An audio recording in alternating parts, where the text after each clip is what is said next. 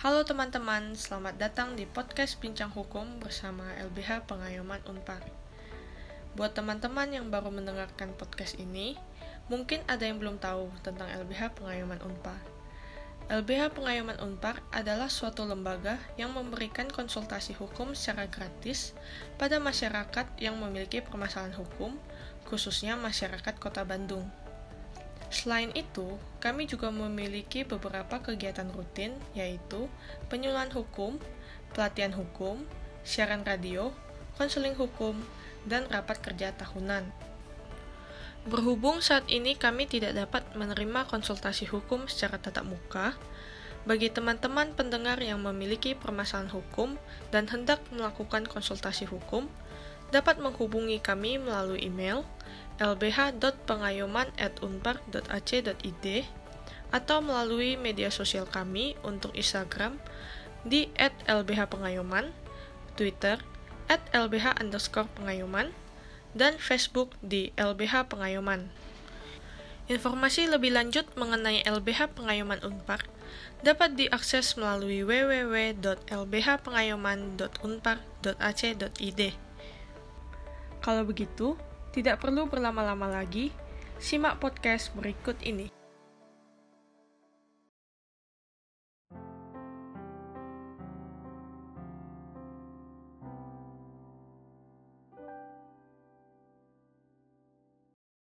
Halo para pendengar, kembali lagi di podcast Bincang Hukum bersama kami, Lembaga Bantuan Hukum Pengayoman Unpar. Mungkin para pendengar belum familiar ya sama suaraku. Pertama-tama, perkenalkan aku Kalista, salah satu relawan LBH Pengayoman Unpar yang tentunya akan menemani para pendengar dalam podcast Bincang Hukum episode kali ini. Nah, tapi aku hari ini nggak sendirian nih. Aku ditemani oleh salah satu rekanku dari LBH Pengayoman Unpar, yang mungkin para pendengar udah nggak asing lagi nih sama suaranya. Kita langsung panggil aja kali ya. Halo Kak Dave. Halo Kalista, apa kabar? Baik dong Kak. Kak sendiri gimana nih kabarnya?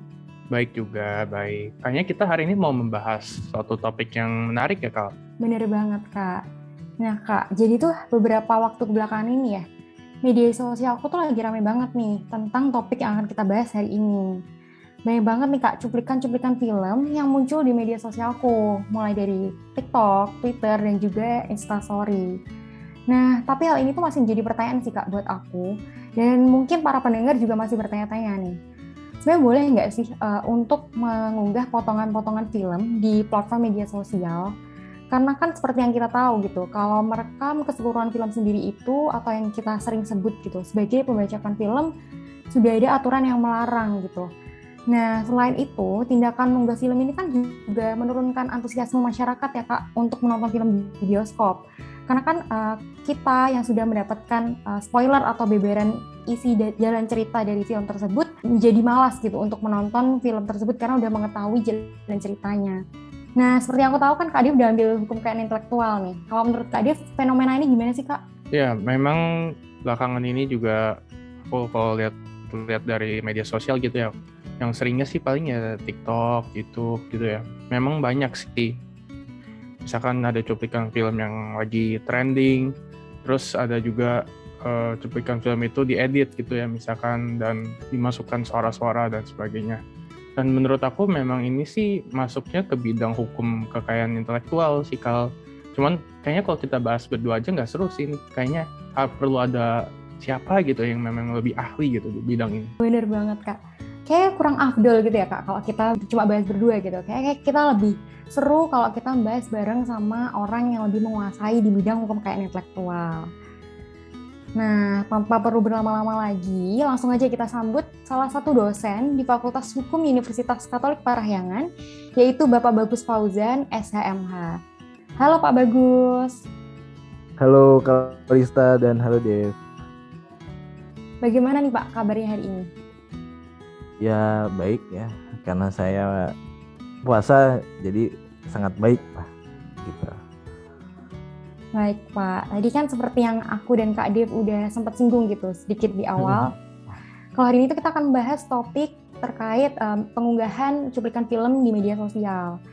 Nah, saya tuh kan lumayan aktif ya Pak di media sosial dan uh, saya tuh menemukan gitu banyak banget uh, orang yang mengunggah cuplikan-cuplikan film di media sosial gitu. Nah, baik banget juga uh, di dalam cuplikan tersebut terdapat spoiler atau beberan ceritanya.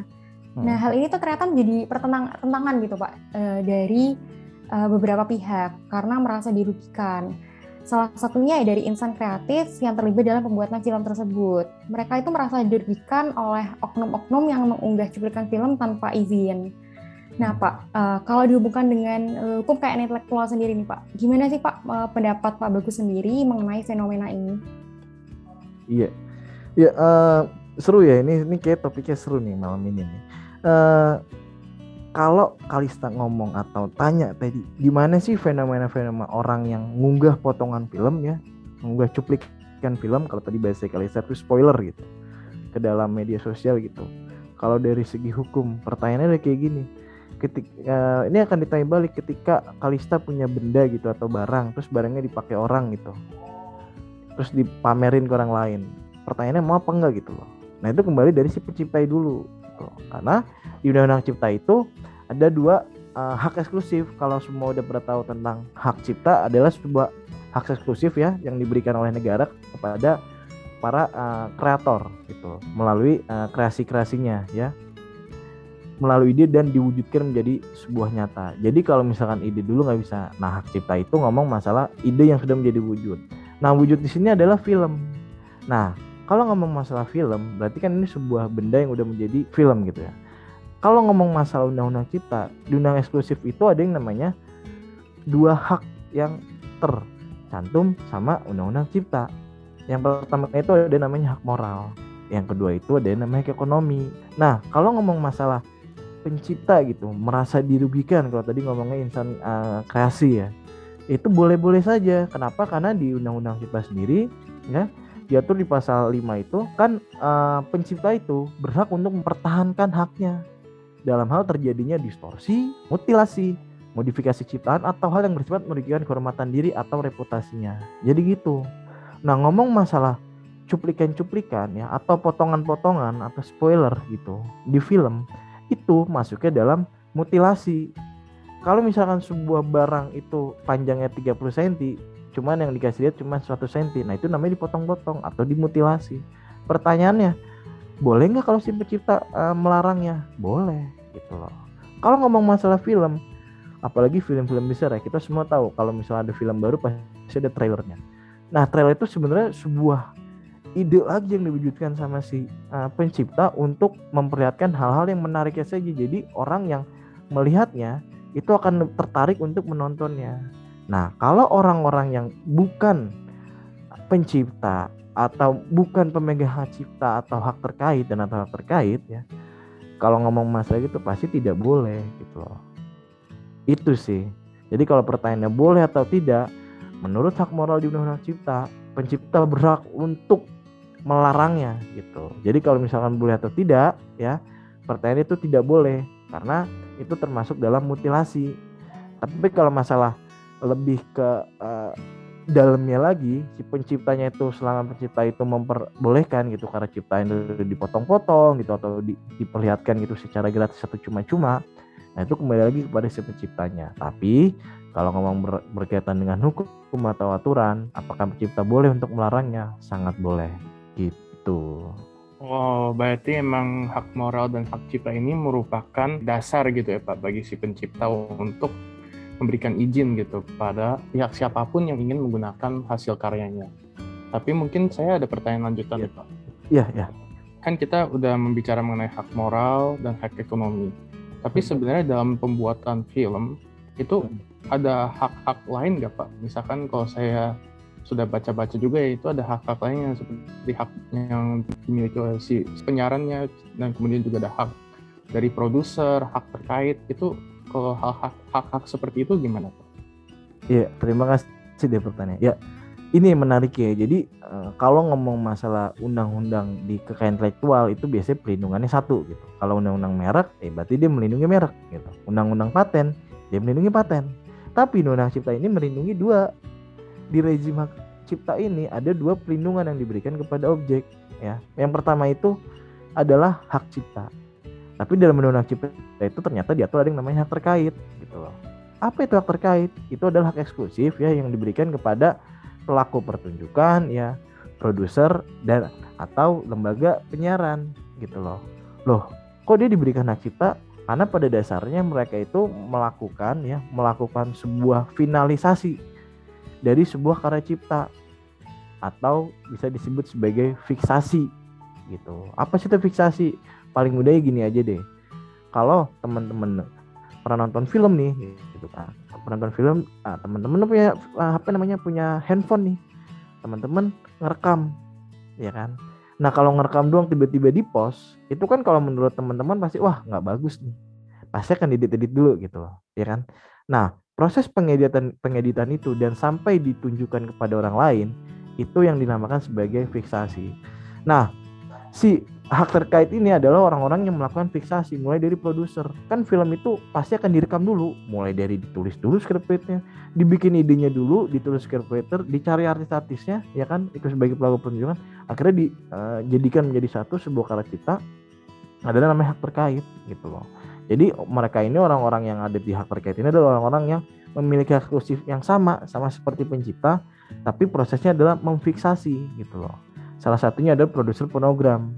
Produser fonogram itu ya yaitu untuk merekam uh, lagu-lagu. Fonogram itu hanya khusus untuk musik gitu. Jadi kalau musik kan ya ada orang bikin musik bisa gitu. Terus orang bikin lagu bisa. Tapi apakah ketika tidak melalui produser ya uh, dia bisa apa namanya membuat itu menjadi satu komposisi yang sangat bagus gitu tanpa mereka melakukan rekaman pasti kan suaranya bisa sember gitu.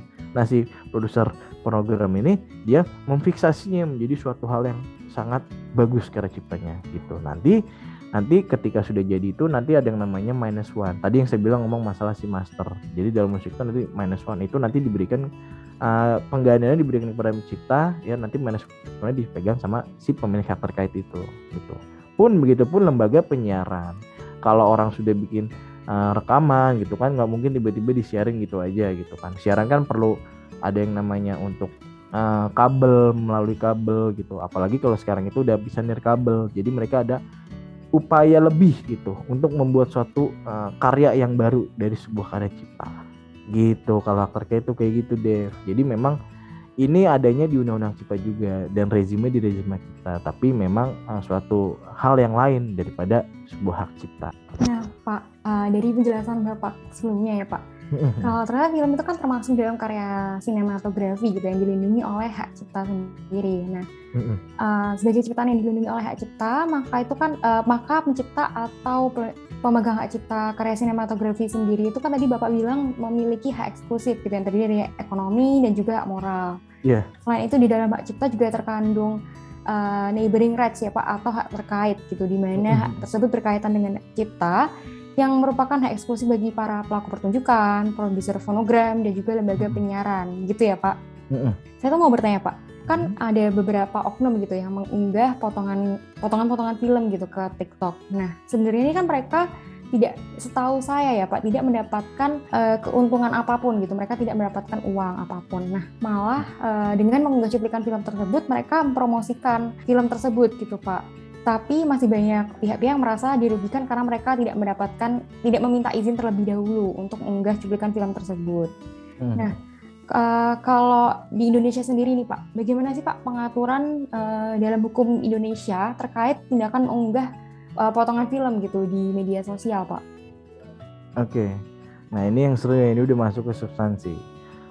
Kalau ngomong masalah hak cipta, pasti akan ngomong masalah hak moral dan hak ekonomi, ya kan? kalau tadi ada konsep eh, apa ada perbuatan yang ada orang yang merasa diuntungkan karena bisa dikategorikan sebagai promosi gratis gitu. Tapi ada juga orang yang merasa uh, ini dirugikan gitu loh. Nah tadi kembali lagi kita harus mengacu pada si hak moralnya dulu. Apakah pecinta ini benar-benar membuat ini karena memang dia punya jiwa seni yang tinggi gitu. Nah perhitungan itu atau ketentuan itu memang terkembali kepada si penciptanya. Ada orang yang memang membuat satu karya cipta karena dia memang murni untuk berbisnis. Gitu. Nah, itu dilihat lagi. Nah, kalau ngomong masalah itu secara sejarahnya menurut undang-undang atau hukum positif Indonesia itu bagaimana gitu Kita kembali lagi ke undang-undang hak cipta ya. Kalau misalkan film dalam media sosial ya, itu sebenarnya pencipta itu dapat melakukan upaya-upaya hukum ya. Tapi yang pasti kalau menurut undang-undang hak cipta ketika ada satu karya cipta yang dipertontonkan gitu apalagi sampai digandakan gitu dipertunjukkan ya dipertontonkan gitu untuk sesuatu yang bersifat komersil itu sebenarnya dia harus membayar royalti. Tapi kalau tadi pernyataannya adalah ini tidak dikomersilkan tidak dikomersilkan dalam artian apa dulu? Kalau menurut undang-undang cipta ya itu diperbolehkan. Undang-undang cipta itu tidak ditarik royalti. Sebutannya kalau menurut undang-undang itu adalah pembatasan pembatasan pelindungan hak cipta ya.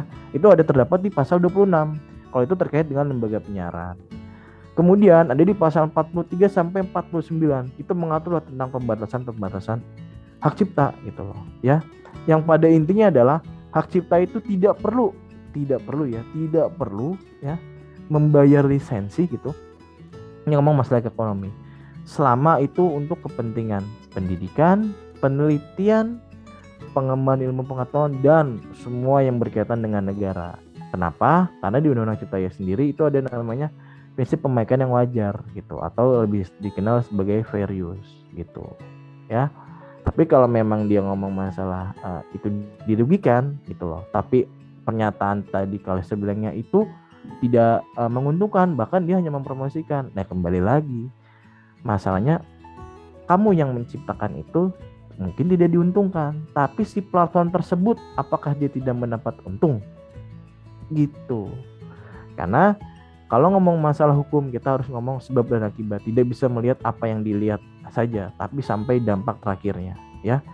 Kenapa? Kalau ngomong masalah media sosial atau platform dalam hal ini media sosial kalau kalian tahu ya dalam uh, hukum dagang ketika orang mendownload ya mendownload atau mengunduh suatu aplikasi tertentu itu perusahaannya itu mendapatkan keuntungan gitu. Jadi kita tidak melihat secara nyatanya saja gitu. Mungkin si penciptanya yang namanya memotivasi atau sampai dia memotong-motong cuplikan tersebut memang tidak mendapatkan untung. Tapi si platform ini kalau dibicarakan oh platformnya tidak bayar gitu. Oke memang tidak berbayar, tapi apakah dia tidak mendapat untung dari yang lain? gitu loh makanya ada namanya iklan dan lain sebagainya gitu jadi kita melihat suatu perbuatan hukum harus melihat secara detail gitu jadi tidak bisa melihat secara permukaannya saja oh enggak orang yang nyiptain itu dia nggak dapat untung wah kita tidak bisa lihat saja gitu tapi tadi saya bilang ya kembali kalau memang merasa si pencipta film ini merasa dirugikan undang-undang cipta itu sudah sangat melindungi gitu Kalista. Nah Pak, yang hmm. uh, dari penjelasan Bapak yang saya tangkap itu pada intinya itu memang kalau uh, selama kepentingannya uh, pengunggah untuk tidak untuk komersial, sebenarnya itu tidak apa-apa ya Pak. Yep. Karena kan sesuai dengan uh, asas pemakaian yang wajar gitu, yang tadi Pak Bagus bilang uh, yep. terkait uh, asas fair use gitu. Dan juga selama mendapatkan izin berarti sah-sah saja ya Pak uh, bagi para pengunggah untuk mengupload uh, cuplikan film tersebut. Iya betul sekali guys. Oh, Pak Bagus, mungkin saya juga ada pertanyaan lanjutan nih Pak. Cuman ini terkait dengan pengalaman pengalaman-pengalaman beberapa orang juga sih. Misalkan nih Pak, kalau di dalam platform media sosial seperti katakan YouTube ya, yang sering ya, uh, ada nih orang yang mengunggah film dan dia itu bukan si pencipta filmnya gitu, orang biasa mengunggah, tapi di bawahnya itu ada statement di captionnya, all rights go to the reserve owners gitu. Misalkan ada pernyataan seperti itu. Yep. Uh, apakah semata-mata dengan pernyataan itu dia itu diperbolehkan dan ya mendapatkan izin gitu langsung dari si pencipta atau sebenarnya dia tetap harus meminta izin secara langsung ke si penciptanya? Iya, terima kasih. Uh, pertanyaannya detail ya. Jadi platformnya YouTube ya. Jadi mungkin yang belum tahu gitu, uh, intinya kalau melalui medium internet gitu, undang-undang cipta itu sebenarnya belum melindungi gitu. Tapi kalau kita ngomong masalah apa namanya YouTube ya, YouTube itu punya kecerdasan buatan yang disebut dengan konten ID gitu. Nanti mungkin yang di pendengar ini bisa sambil Google gitu ya. Konten ID itu sebenarnya satu upaya YouTube ya, dia untuk membuat para pencipta ini mendapatkan hak sepenuhnya mulai dari hak moral sampai hak cipta gitu. Jadi YouTube ini sebenarnya sudah selangkah lebih maju ya daripada platform-platform yang lain ya. Jadi dia itu ada namanya uh, artificial intelligence atau kecerdasan buatan yang namanya content ID. Jadi di situ tuh pencipta itu sebenarnya bisa saja ya tanpa gitu, tanpa menjaga gitu karya tercipta dari semua konten yang ada di YouTube, dia dengan hanya misalkan dia punya film gitu. Dia masukkan ke YouTube nanti ke konten ID dijelaskan ini film saya misalkan film saya ciptaan saya dijelaskan gitu deskripsi seperti apa. Nanti kejelasan buatan itu dapat men down gitu. Dapat men down atau atau dia dapat mengkomersilkan itu kepada si orang yang menguploadnya gitu loh. Jadi sebenarnya kalau ngomong masalah YouTube itu udah ada aturan sendiri. Jadi dia lebih ke teknis sih gitu loh. Kenapa? Karena YouTube itu kan satu uh, platform yang sudah global ya. Dan kembali lagi dia mengedepankan bahwa ya memang uh, ini kalau dalam bahasa apa namanya cyber law ya dalam hukum teknologi dan informasi ini ya atau atau hukum cyber ini dia dikatakan sebagai user generate content gitu. Jadi platform-platform ini sebenarnya tanpa karya cipta itu mereka tidak bisa hidup gitu loh. Nah pertanyaannya ketika mereka hidupnya daripada karya-karya cipta ini, kita dalam hal ini film aja ya. Berarti kan dia harus mengedepankan si hak-hak dari si pencipta ini gitu. Makanya YouTube adalah salah satu platform yang sangat baik untuk saat ini ya. Dan kalau ngomong masalah boleh atau tidaknya selain tadi ini teknisnya adalah YouTube punya konten ID ya selama ya selama si pengunggah film ini ya pengunggah film ini dia meminta izin langsung ya. Dia meminta izin langsung kepada si pencipta dan selama si pencipta itu memberikan izin sebenarnya tidak apa-apa gitu loh. Intinya adalah undang-undang hak cipta undang-undang yang terdapat di rezim intelektual itu adalah hanya tools bentuknya produk hukum untuk ya mensejahterakan daripada si pencipta itu sendiri gitu Dav. Baik Pak, baik Pak. Berarti ini dari platform juga ya Pak? Iya iya iya. Ada konten ID, tapi mungkin kalau platform-platform media sosial lainnya ada hal-hal lain atau misalkan sistem lain gitu ya? Iya. Ganggu kebijakan dari platformnya gitu. Iya betul. Nah tapi Pak saya ada uh, pertanyaan juga nih Pak. Kalau misalkan hmm. tadi uh, si pengunggahnya, eh si pencipta dari uh, filmnya itu misalkan dirugikan gitu Pak karena unggahan yang ada dan itu unggahannya itu membeberkan uh, atau istilahnya spoiler ya, menspoil si film yang telah dia buat gitu. Hmm. Nah, perlindungan hukum bagi si, si pencipta itu sebenarnya gimana sih Pak? Oke, jadi si pencipta ini kita kategorikan si produser ya, itu merasa dirugikan ya, gitu Dev ya. Nah itu kembali lagi ini pendekatannya mau dari uh, moral dulu atau dari ekonomi gitu. Tapi kalau ngomong masalah rugi berarti kan ini ngomong masalah ekonomi gitu kan. Yang pertama gitu si pencipta ini ya dalam ekosistem film itu berarti si sineasnya ini berarti si produser gitu ya. Itu bisa melakukan upaya-upaya hukum gitu ketika memang dia merasa si karya cipta ini atau filmnya ini diunggah tanpa izin dan dia merasa dirugikan gitu. Apalagi tadi udah disebutkan ada mutilasinya itu di bagian-bagian yang seru. Jadi orang merasa ah ternyata gini doang gitu. Jadi orang sebagai konsumen dari sebuah film itu dia tidak ingin nonton gitu ya. Nah itu sebenarnya dari si pencipta ini bisa melakukan beberapa upaya gitu loh. Kalau ini dia eh, apa namanya karya ciptanya filmnya itu memang diunggahnya di medium internet sebenarnya dia itu bisa melakukan dua hal ya. Yang pertama itu kepada subjeknya dulu, yang kedua itu kepada objeknya gitu ya. Kalau ngomong masalah subjek berarti si pencipta ini ya dari karya film ini bisa melaporkannya kepada ke polisi gitu. Dia dapat melaporkannya ke polisi. Kenapa? Karena ini terkait masalah ada orang yang menggandakan gitu memutilasi kita biasanya memutilasi filmnya ya memutilasi filmnya dan dia mendapatkan hak ekonomi dan saya merasa dirugikan adalah nanti film saya ini akan dirugikan karena kayak main eventnya atau main filmnya itu di, di, di, diperlihatkan dimutilasi sama orang.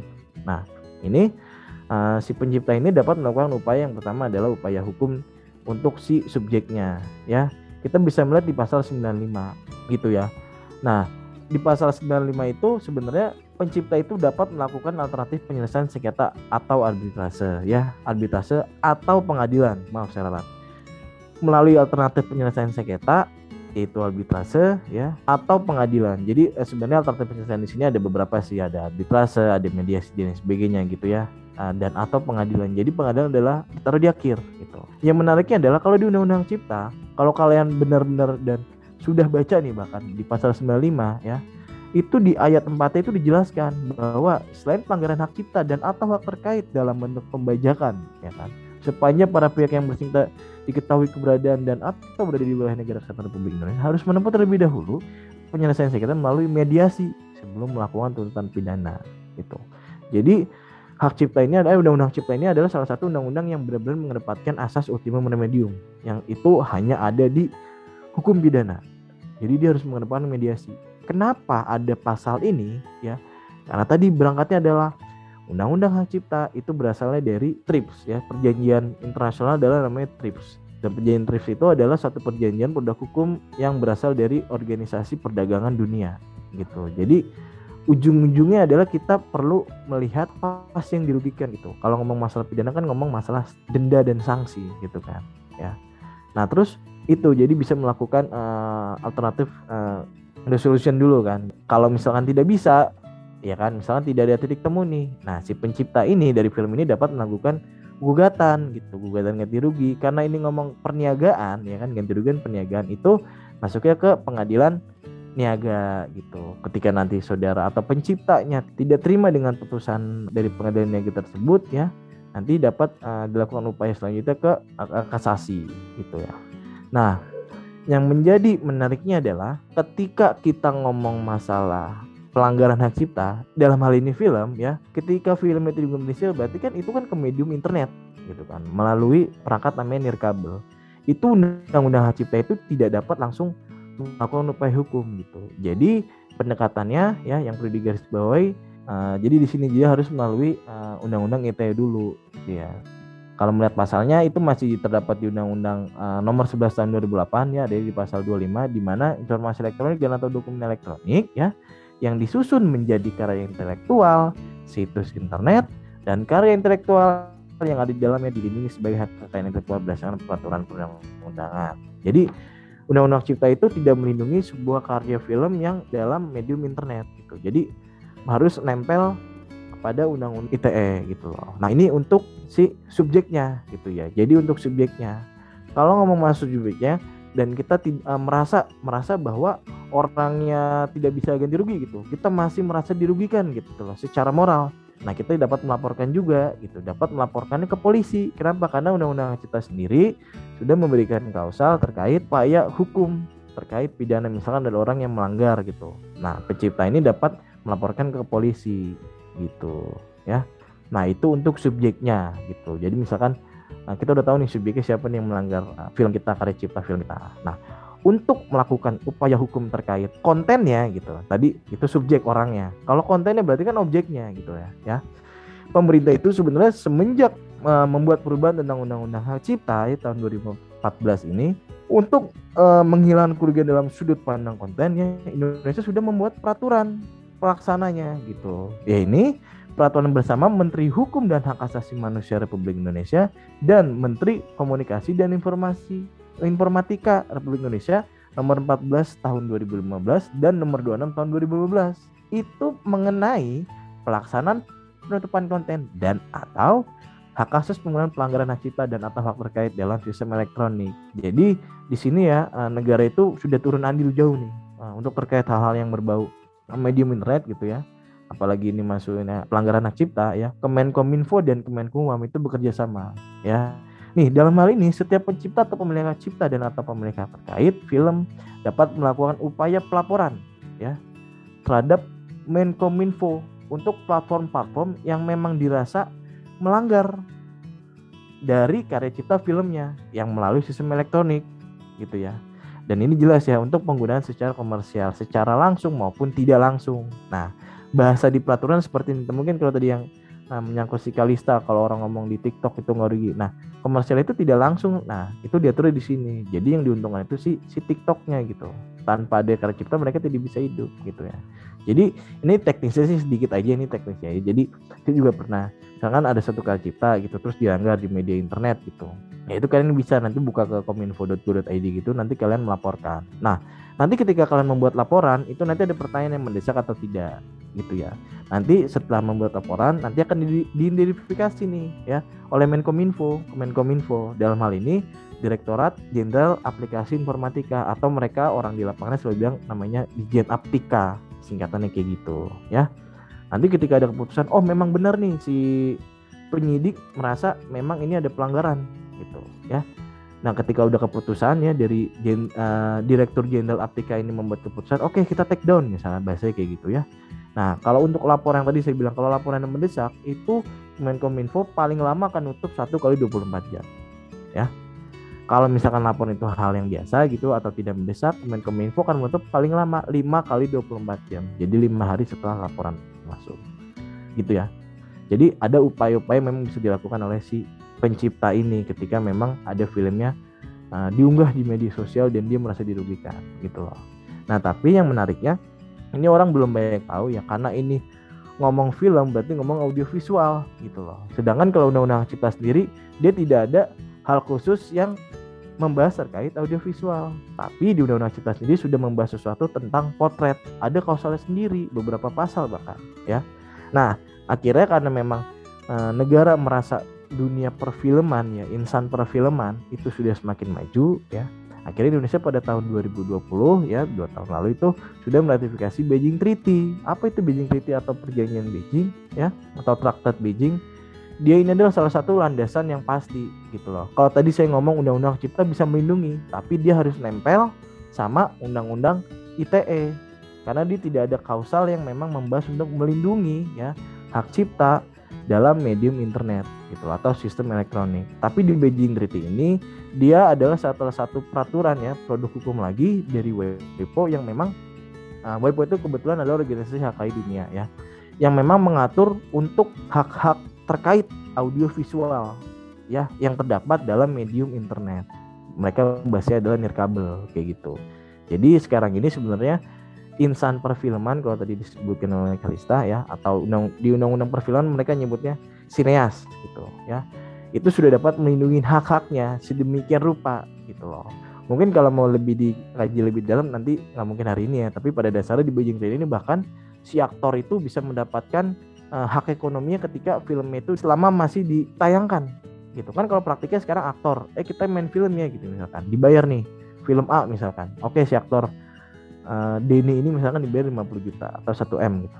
Nah, kalau di Beijing Green ini ya, nanti si aktor itu selama film itu masih dipertontonkan oleh siapa pun, dia masih bisa mendapatkan royalti atau hak ekonomi dari film-film yang diputar tersebut. Gitu, Dev. Wah, menarik banget nih Pak pembahasan kita. Hmm. Berarti uh, selain dari undang-undang hak cipta sendiri gitu, perlindungan hmm. hukum bagi pencipta film yang karyanya diunggah gitu tanpa izin ke media sosial ternyata mendapatkan perlindungan juga ya Pak dari undang-undang ITE gitu. Yep. Nah, tadi kan untuk objeknya gitu. Selain itu untuk kontennya sendiri ternyata Indonesia ini tuh uh, sudah membuat peraturan menteri bersama gitu untuk membuat perlindungan terhadap karya cipta sendiri. Yep. Nah, uh, bersama dengan uh, Kemenkumham dan juga Menteri Komunikasi dan Informatika.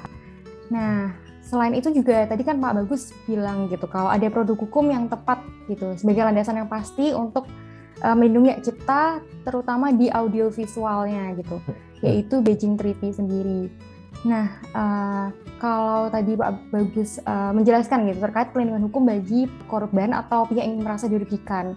Nah, Uh, selanjutnya Pak, kalau untuk pelaku pengunggahnya, gimana sih Pak konsekuensi hukumnya atau pertanggungjawaban hukumnya bagi para pelaku uh, yang mengunggah potongan film gitu ke media sosial?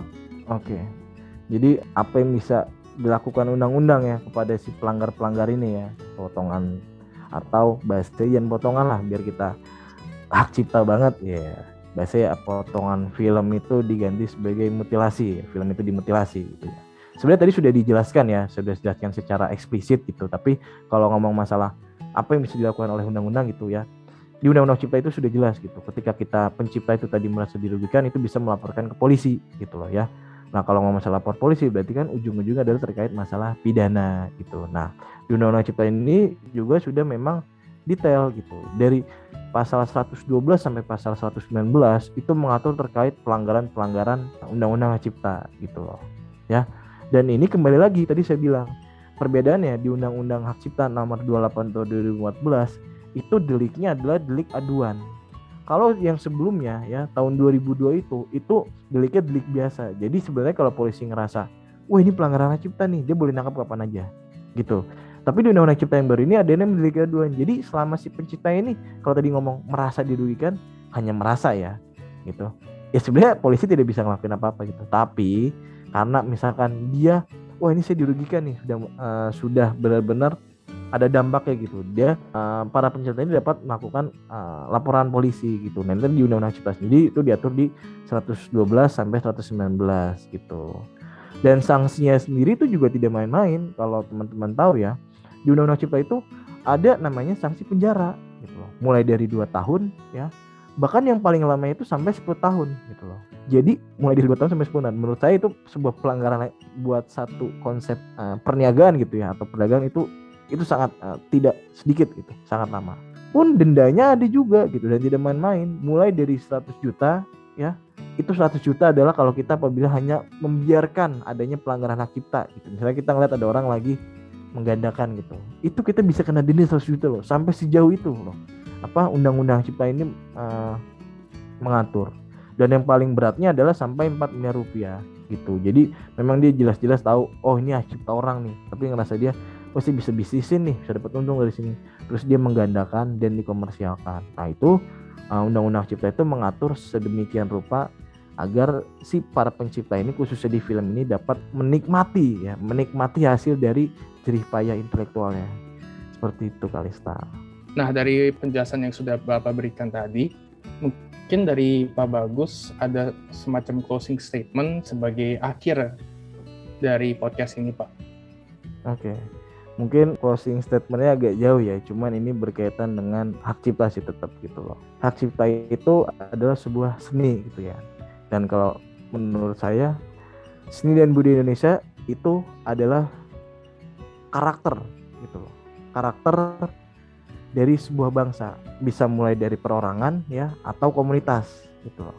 Dan dengan seni dan budaya ini itu dapat meningkatkan kualitas ya dan juga mengangkat harkat dan martabat suatu bangsa apabila diberdayakan dengan baik. Saya membuat statement ini kenapa? Karena ini berdasarkan dari Undang-Undang Negara Republik Indonesia tahun 1945 gitu. Jadi seni dan budaya dapat meningkatkan kualitas hidup orang dan harkat martabat suatu bangsa. Wah, kayaknya dari pembicaraan kita hari ini banyak sekali ya hal yang bisa kita dapati dan pembahasan kali ini memang menarik sekali ya, uh, Kal terutama dengan narasumber yang memang ahli gitu di bidang hukum kekayaan intelektual. Namun tidak terasa diskusi kita hari ini sudah sampai pada penghujung. Dan sayang sekali sepertinya podcast kali ini seperti harus kita sudahi. Oleh karena itu, saya mewakili LBH Pengayoman Unpar ingin mengucapkan terima kasih banyak untuk Pak Bagus yang sudah meluangkan waktunya dan terima kasih juga para pendengar podcast. Sampai ketemu para pendengar podcast di podcast kita yang selanjutnya. Salam sehat.